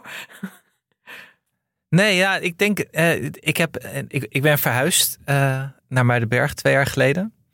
En daar heb ik het meer mannen gevonden die daar wel over praten dan voorheen toen ik in Amsterdam woonde in de rivierenbuurt bij de speeltuin. Toen had ik niet echt contact, denk ik, met andere mannen daarover. Maar het is gek dat dat een soort club mannen is die, denk ik, bijna allemaal ook parttime werken sowieso. Ja. En ik ben ook twee dagen in de week thuis. Ja. Ja, het, gaat makkelijker, heb ik het gevoel, op Ja. dit moment om daar wel over te praten. Maar dat komt denk ik ook wel ook door deze podcast, dat ik misschien me daar iets meer van bewust ben. Om, ja, ik ben er meer mee bezig, denk ik ook. Ja, maar goed, doordat jij deze podcast maakt, horen andere vaders het ook weer. En die zullen zich er ook voor bewust van zijn. Want het is wel, het is, weet je, zo'n verandering heeft wel echt tijd nodig. Weet je, Ja. het feit dat jij moet ervoor verhuizen. Maar de, het is, weet je, er zijn gewoon, er zijn van die kleine sparkjes nodig om dit soort dingen gewoon uit te spreken. En als je het maar vaak genoeg hoort, dan wordt het op een gegeven moment normaal, denk ik dan. Hoop ik Ja. dan. En ja, nogmaals, omdat er dus volgens mij dus heel veel vaders zijn, of, of, of mannen die vader worden, die wel zoiets hebben van ja, maar ik, ga- ik ga dit anders doen dan mijn vader. Of ik wil heel graag betrokken zijn, maar ik voel daar niet in mijn, in mijn omgeving support. Of weet je, ik vind dat nog lastig om het daarover te hebben. Ja, wat die nodig hebben is vooral dat dat gesprek continu gaande is. En dat we dus die zorgtaken niet bagatelliseren, maar gewoon cool maken. Of, of ja, in ieder geval iets waar Of je... norma normaal, ja. Ja. Ja, iets waar je zeg maar toch ook status uit kan halen. En waar je trots op mag zijn. Ehm, en waar je voor jezelf gewoon de tijd voor hebt om je daarin te bekwamen als je dat wilt. En, en ja, als we dat ja, als we dat maar met elkaar ja, op een gegeven moment kunnen dan ja, toch de rij afhuren, denk ik. En dan eh, Ja. ja, met alle thuisblijfvaders, of in ieder geval vaders die gewoon een groot deel van de zorgtaken op zich nemen, eh, daar dan ja, met elkaar ehm, bij elkaar zijn. Ik, ik- ben morgen toevallig op een congres, of het is een beurs, de Huisje Boompje Beestjebeurs in Groningen. Huisje Boompje Baby, Babybeurs. Leuk. En daar hebben ze dan een mannenhoek. Dat is dan eens zo'n tweezitter, weet je wel. En dan staat er een Oh. barbecue. En dan Nee, er staat een barbecue. Ja, natuurlijk. Ja, er staat zo'n gre- zo'n green egg, weet je wel. En dan kan je dan... eh, en die worden daar dan, ja, die, die mogen er ook heen. En dan, eh, eh, of die worden meegenomen. Ik weet niet zo goed hoe dat gaat. En dat is goed bedoeld, maar het geeft wel aan hoe, hoe zoiets dus werkt. Er is dus ook niet heel veel intrinsieke motivatie bij mannen om, om je daar dus dan voor te interesseren of zo. En dat, ja, daar moeten we een beetje vanaf. Want dat, dat, daar is, niet- heeft niemand baat bij. Ja, en Wist dan is dat, het ook, zeg maar... Oh, sorry. Oh. Nee, dat, Nee, dat, dat het dan ook Mag is... ik één feitje, Nienke? Één, één klein ja, feitje? doe één feitje. ja. tussendoor? Ja, ja. Ja, ik vond dat, wist, je- wist je dat de huishoudbeurs eh, in Amsterdam de Ja. drukste periode is voor, eh, voor prostituees in de stad? Is dat Nou echt ja. waar? Erg zo. Wat? Oké. Ja, allemaal mannen die een vrouw afzetten bij de huishoudbeurs en dan zelf een, eh, een dagje Amsterdam doen. En dan de Lekker vrouw naar de hoeren gaan. Ja, Ja. Erg hè? Naar de sekswerkers. Oh, oh. Daar Hey, moet ik jaren, nou ja. al, al heel lang om lachen. Ja. Nee, wat Ja, ik wilde zeggen is dat je ook vanaf, eigenlijk vanaf de, be- de zwangerschap dan eigenlijk al een soort van fuik in wordt geduwd. Niet alleen met het, met het verlof, maar ook met ehm, de boeken die je dan aangeboden krijgt. Daar heb jij het ook over, over de literatuur Ja. van ja, vaders die schrijven over het vaderschap. Dat het altijd is, eh, ik heb helemaal geen tijd meer voor mezelf en eh, het Ja. poep stinkt, eh, dat. Ja. Terwijl als ze van Kluun, tevoren... Kluun heeft daar een boekje over geschreven, geloof ik. Hè? Ja, dat gaat best goed hè, dat boekje. Het gaat, gaat best goed, ja. ja. Ja, maar het, en ook dat in, in tv-series, wat je ook zegt, dat er altijd een, zeg maar, soort van. De vader is druk en weg. Of als hij thuis is, is hij nukkig en vindt hij het verschrikkelijk om thuis te zijn. Dat is een beetje Ja, de een, of die we een hebben. Ja, die oen. Of Ja. is de, oen, inderdaad. de oen, ja. Oh, ik weet niet hoe dit moet. Ja. Oh, ingewikkeld. Oh, ik heb... Ja, precies. En ik Oh, vind we dat we zijn als vrouwen het, het recht moeten terugpakken om zelf ook de oen te zijn thuis. en over die wasmand heen te stappen en lekker Ja. eh, de deur dicht te slaan en te vertrekken. En te kijken maar hoe het eh, verder afloopt daar thuis. ja, Doorgaans ga- gaat dat goed. Ja, Ook al is het dan. ehm, eh, de, de, de, de- pas zei een vriendin van mij: zei, Nou, ik was het weekend weg geweest en toen eh, kwam ik op zondag terug en toen waren ze donderdag voor het laatst in bad geweest. Waarop gelukkig de rest van de tafel deed. van- Uitstekend. Ja, tuurlijk. Hartstikke goed. Eén, twee keer in de week in bad. Zo zo. Wow. Ja. Wij ruiken er meestal eerst aan en dan gaan ze in bad. Nee, maar volgens mij is dat. ehm, ehm, volgens mij is het ook consequent bevragen als mensen zeggen: Ja, ik. eh, eh, ik voel me een slechte moeder. Weet je wel, omdat ik was te laat om mijn kind op te halen. Weet je wel, dat je dan consequent moet vragen: Ja, waar was vader dan? Waarom was die niet? op? Weet je wel? Ik denk dat dat echt belangrijk is. Ik had hier laatst met Eva Hoeken, de columnist van de Volkskrant, een beetje ruzie over. Over dit Oh. punt. Over deze, Oh, ja, ja. deze, deze klunsvader. Want ik ben het meestal wel met, met Eva Hoeken eens. Ja, maar Zij heeft ook een kluns, kluns Ja, partner. Nou, dat, Ja. is, dat is dus het gevoelige eh, punt waar ik eh, eh, aan raakte. Ik, eh, er was een, een tijdje geleden had zij een column geschreven. Of een, eh, een stukje dat ging over dat zij weg was. Met een aantal vriendinnen, een aantal dagen. En dat haar man, Marcel van Roosmalen, ook columnist eh, voor onder andere NRC. Die zou dan wel even de honneurs waarnemen. Ze hebben drie eh, jonge kinderen thuis, drie dochters. En eh, toen tweette ze daar later iets over in de, in de vorm van... ik weet het niet meer exact, maar het kwam erop neer van... ik had wel verwacht dat het een soortje zou worden. maar drie dagen pannenkoeken. En dat is op de laatste dag maar niet naar school had gebracht, want dat is te veel werk. Dat verbaast ook Ja. mij wel weer. Ja, dat niet naar school brengen. Is, het gaat wel. Drie dagen pannenkoeken. Ja. Nou ja, Nou ja, de, reacties daarop waren nou, een beetje zoals hier. Mensen vonden dat grappig van wat, nou ja, is wel, mooi. Maar er waren ook mensen die waren heel kritisch erop. Die zeiden, ja, maar dit is nou het fun dad syndroom. Want als we maar blijven Ja, ja, ja, het idee dat als een vader alleen thuis met zijn kinderen, dat ze dus eigenlijk, eh, ja, een soort van, ja, niet aan dezelfde, de zorg niet aan dezelfde maatstaf voldoet. Eh, is dat eigenlijk wel een beetje gek. En we houden dat in stand door er een beetje om te lachen en te denken, oh ja, nou ja, hij heeft, ze leven toch nog. Eh, dus ik, heb daar, ik had iets over opgenomen in mijn boek en daar was ze niet zo blij mee. Want ze vond eigenlijk dat dat geen recht deed aan de, aan de waarheid. Want hij zorgt heel goed voor zijn kinderen en houdt heel veel, zijn, eh, veel van zijn kinderen. Maar dat is ook helemaal niet mijn punt. Ik denk dat die, dat, dat, ook, dat dat ook zo is. Ik denk alleen wel dat juist publieke figuren, zoals bijvoorbeeld Marcel van Roosmalen, die de indruk wekken dat het oké is om je kinderen niet naar school te brengen en, eh, en ze in een pyjama te laten lopen de hele dag. Hoe goed bedoeld ook, dat dat toch een beetje het idee van die klunsvader in stand houdt. Dat, dat je dus als vader toch een beetje, ja, je soort van kan distancieren van ja, maar dat is, dat is hoe het gaat als mama er is. Als papa er is, dan doen we het allemaal anders. Ja, nee, Ja. nee, nee. Ik snap, ik snap wel wat je bedoelt. Maar het, het, wer- het- het- ik denk dat het klunsouderschap, dat daar mensen meer voor in de bres moeten springen. En niet dat hele. Oh, oh, oh, oh Hanneke heeft, heeft haar dochter niet naar school gebracht omdat ze zin had om met haar voor de tv te hangen. Weet je wel, dat is iets wat ik ook zou kunnen doen. Ik denk dat dat juist. eh, kijk, eh, ik snap wel, ik vind ik, ja, je mag er prima om lachen dat Marcel van Roosmalen zijn kinderen niet naar school brengt omdat hij even omdat hij te veel werk vond. En maar daar moeten we, eh, maar het gaat er juist om dat die, die, die visie op, op wat zorg is, dat gaat juist niet om die individuele gevallen, maar dat gaat om hoe, hoe het structureel in zo'n land geregeld wordt. En natuurlijk, je moet niet mensen. Je moet, nou, nou, onze podcast drijft op het uitlachen van elkaar en andere mensen. Maar het gaat erom dat, die, dat het gelijk gaat, zeg maar. Ja. Oh Dus- nee, wat jij eigenlijk bedoelt, Ja. Hanneke, is jij hebt net zoveel recht om de Marcel van Roosmalen uit te hangen Ja, als Marcel precies. van Roosmalen heeft. En dat is Ja. ook zo. Ja. Maar ik snap... En niet, niet, niet dat we nou met z'n allen gaan zeggen: oh, we mogen niet meer lachen om, om, om hoe klunzig iedereen het doet. Nee, maar dat is een beetje, dat ergert mij altijd. Dat is al wat erg dat Marcel van Roosmalen. Nee, ja, dit is toch grappig? Ik snap wel wat jij bedoelt, Tim, en dat klopt ook. Dat je, dat je niet lacherig moet gaan doen over zorgtaken. Maar dat is, een, dat is weer net een stap hoger, volgens mij. Want volgens mij zorgt hij in, tijdsgewijs evenveel voor zijn kinderen als zijn vrouw. Maar goed, dat, mm, dat nou doet er ook niet toe eigenlijk. Nee. nee, dat doet er ook niet toe. Maar volgens mij zijn we het gewoon eens. Ja, dat denk ik ook. Ik denk alleen maar dat Ja. in de, in de, in de, in, in, in, eh, voor de beeldvorming, eh, dat, het, dat het ook leuk is om vaders te hebben die met hetzelfde gemak eh, wel zich volledig bekwaamd hebben in die zorgtaken. Ja, En tuurlijk. Dat, dat, dat, dat ook Tuurlijk. dat dat ook grappig. Nou ja, grappig. Je kan nog steeds. hè, er zit, nog- zit humor in meerdere, in meerdere aspecten van het zorgen van je kinderen. Het is niet zo dat ik dat het bij ons thuis heel.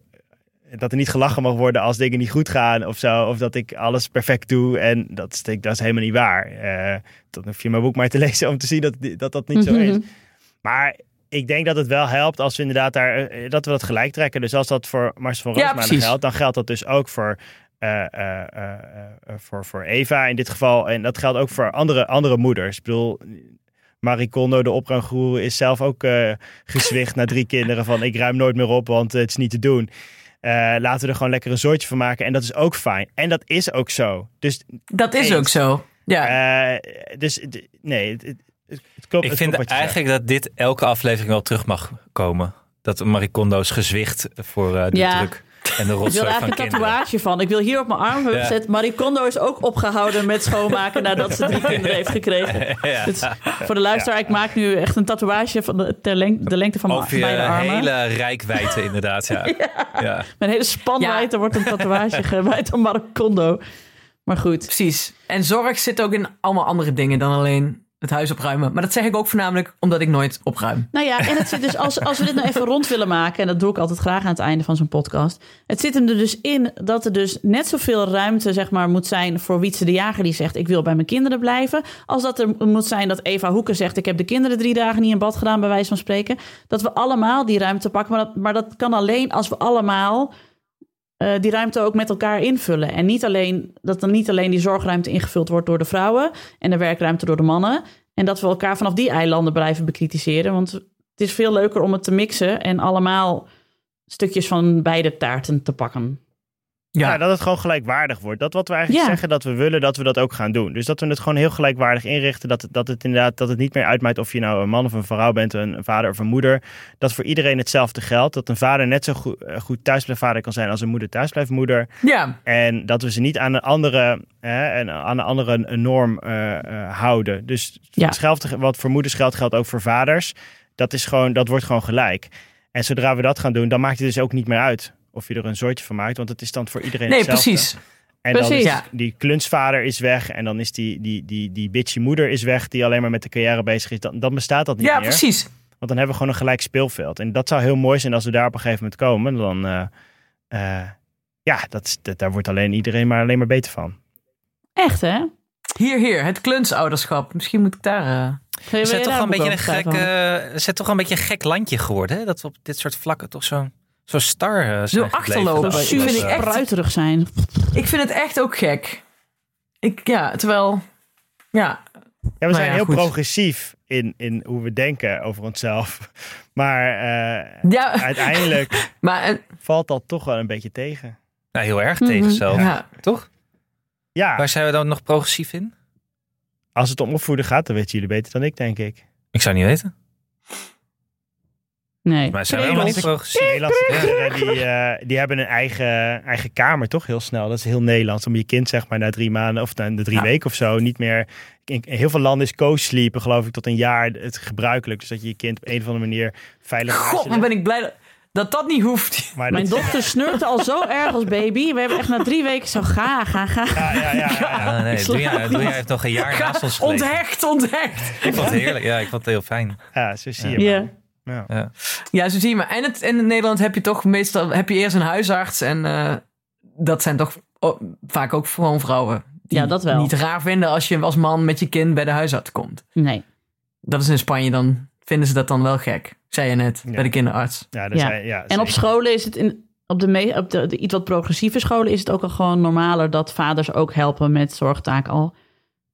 Nog niet heel veel luizenpluis vaders gezien bij ons op school. Nou, ik zie, eh, ik Nee, hè, de- in de clubjes hebben ze bij ons ook niet veel vaders. zie wel niet bij veel de vaders op school, ophalen. maar- ja. Nou ja, anywho, daar hebben we het nou niet over. Hey, Er eh, valt nog een heel, eh, heel wat te winnen. Doe je ook veel op school? ja. Ben je ook een, vader die veel op de, in de klasse-app zegt ik help wel? Of is dat... eh, nou, er hoeft niet zoveel geholpen te worden bij ons op school. Oh. De kinderen zitten op een eh privéschool. En daar eh, wordt, wordt alles uitbesteed. Eh, Je hoeft geen moestuintjes aan te leggen en zo. Nee, dat nee, moest daar ik ze laatst, dan een tuin werd wel ik voor, maar ik, En van, van hoe laat tot hoe laat gaan ze naar school van dan? 9 tot 5. Jezus. Vijf dagen in de week. Ja, en ze Oh, krijgen... dus je bent gewoon... Wat doe je? Jij, jij hebt alle tijd, man. Wat, wat, wat doe je dan al die tijd thuis? Ja, ik, ik sluit een periode af, wel als thuis. Ik zei het al. Dus voor ja, mij, ja, ja, ja, ja, de ja. kinderen gaan nu naar school. Maar die, serieus, ze krijgen dus warme lunch op school. Ja, Daar dat kan is ik ook echt- echt nog een uur over Maar dat we dat ook niet hebben. Wat, Ja. wat hebben we gedaan in dit land? Wat een kutland. 1 miljoen mensen in armoede en dit alles. En, En het enige wat we kunnen is blowen potten. in het openbaar. Ja, alleen maar kankerstoffen in de lucht door Tatenstiel en Schiphol. Aardbeving na aardbeving in Groningen. En heel veel toeslagen Nou, te denken, toch? We hebben nergens meer openbaar vervoer in de rest van het land. Welkom hebben bij, we dan deze, wel? bij de nieuwe podcast Nederland Kutland. Bedankt voor het luisteren. Verhuizen, Nee, verhuizen. We gaan allemaal naar Spanje, Tim. We gaan Ja, allemaal Ja, we gaan allemaal naar Spanje. Nee, ja, Valencia. lekker Ja. Klagen met de Nederlanders. trouwens? Dat kan wel heerlijk om daar te wonen in Valencia. Ja, inmiddels woon ik al in Barcelona. Oh, je woont nu in in Barcelona? Barcelona. Ja. Was dat, is dat beter? Eh, Valencia is wel warmer. eh, dat is lekker toch? Maar eh, Sinaasappels. ja, heel veel sinaasappels. Heel veel Ja, sinaasappels. wel veel droogte ook momenteel. Oh ja. ja, daar moet je ook aan denken. Weinig natuurlijk. regen, maar dat heeft ook zo zijn voordelen. Ehm, ja, ja, ja, je kan... Dit weekend waren we aan het zwemmen. Het is nog wel koud, het water. Maar eh, ja, als je van zwemmen houdt, goede, goed land. Ik wil je niet bang maken, maar je komt wel weer steeds dichter bij Meppel. Ja, dat is waar. ja. ja, dat is toch een soort van iets waar ik altijd weer mee geconfronteerd word. Dat Ja. ik daar vandaan kom. Ja, maar Oh dat ja. geeft niet. Hey Tim, ontzettend bedankt dat je er was. Dat was. Het is heel fijn om met jou te praten. Het is heel fijn om je boek te lezen. Ik raad dat iedereen aan. En ik raad het ook gewoon... Weet je, als je nou een vrouw bent en je hebt een man... en je, je, je luistert altijd naar deze podcast... en je man heeft geen zin om deze podcast te luisteren... eh, stop dan eh, deze, dit boek dan onder zijn kussen. Gewoon, want dan heeft hij... Het is toch ook een beetje een soort van... ik ken iemand die in boekvorm... Ehm, dus ik, eh, nee, kan het iedereen aanraden. Oh, ik had, ik had het boek van Lynn Berger weggegeven toen toch? Met mijn ezelsoortjes aan een luisteraar. Oh ja, Ja? Die had zich gemeld op Ja. Vriend van de Show. Eh, ik wil dit boek met het mijn. Het zit wel weer met ezeloortjes. maar als de luisteraar zegt: Ik wil het graag eh, hebben, dan stuur ik hem eh, weer op de post op. Dus dan moet je even op Vriend van de Show een eh, berichtje sturen. En dan eh, stuur ik hem weer door. Ik hou van boeken doorgeven. heel goed. Wie het eerst komt, wie het eerst maalt. Tim, Ja, dat onwijs wel. bedankt dat je er was. Graag gedaan. Dank jullie wel. Dankjewel. Dit was hem weer. Dank aan mijn vaste tafelgenoten Alex van der Hulst op zijn nieuwe wc-bril. Die gewoon Hanneke verdween, hè, Hendricks. halverwege. Dat Ja, eh, heeft die de luisteraar niet gemerkt. Maar ja. Nee, Alex die, eh, hij zwaaide nog en toen was hij ineens weg. Nou, Alex van der Hulst met zijn nieuwe wc-pot, Hanneke Hendricks en Anne Janssens. De productie was in handen van Anne Janssens en de montage is gedaan door de getalenteerde Jeroen Sturing. Sorry Jeroen dat hier weer 20 minuten in zat over het Koehoorn. Mocht je ons iets willen vertellen, heb je een tip of een vraag of een opmerking? Kom dan naar onze Vriend van de Show pagina. Voor een klein bedrag kun je Vriend van de Show worden, waardoor je ons de gelegenheid geeft om nog meer mooie afleveringen te maken. Op Twitter heten we @ikkenniemandie en ons mailadres is ik@dagenacht.nl. Dank voor het luisteren en tot de volgende. Maar blijf nog even hangen, want nu komt een gesprek tussen Alex en Volkert over wc-potten. Nou, Wat is eigenlijk Tot de- een randloze wc-pot in het Spaans? Ja, goede vraag wel. Banjo sin... Sin pizza? Is in Pisa? dat is Sin... dat is wel leuk. Tim zei pies. Hij is in Pisa. Je hebt in Spanje Hola, heb je, een, quiero eh, un baño sin... heb je de, Ja. de Kutja-bank. En dat schrijf je ook KUT. Dat is. Catalaans. Eh, maar er staat dus op heel veel panden staat er gewoon kut. Dat vind ik nog steeds heel grappig. Ook al woon ik er al een paar jaar. Maar ik vind ik nog steeds heel grappig dat heel kut staat. Ja. Never grow Julius, up. Julius vroeg vandaag, als hij, als hij 18 is, of hij dan zelf mag kiezen waar hij mocht wonen. Zeg ik, ja, misschien ga je wel eh, eh, studeren of ergens van een hogeschool. Of je gaat een vak kiezen. Toen zei hij, je zei vak.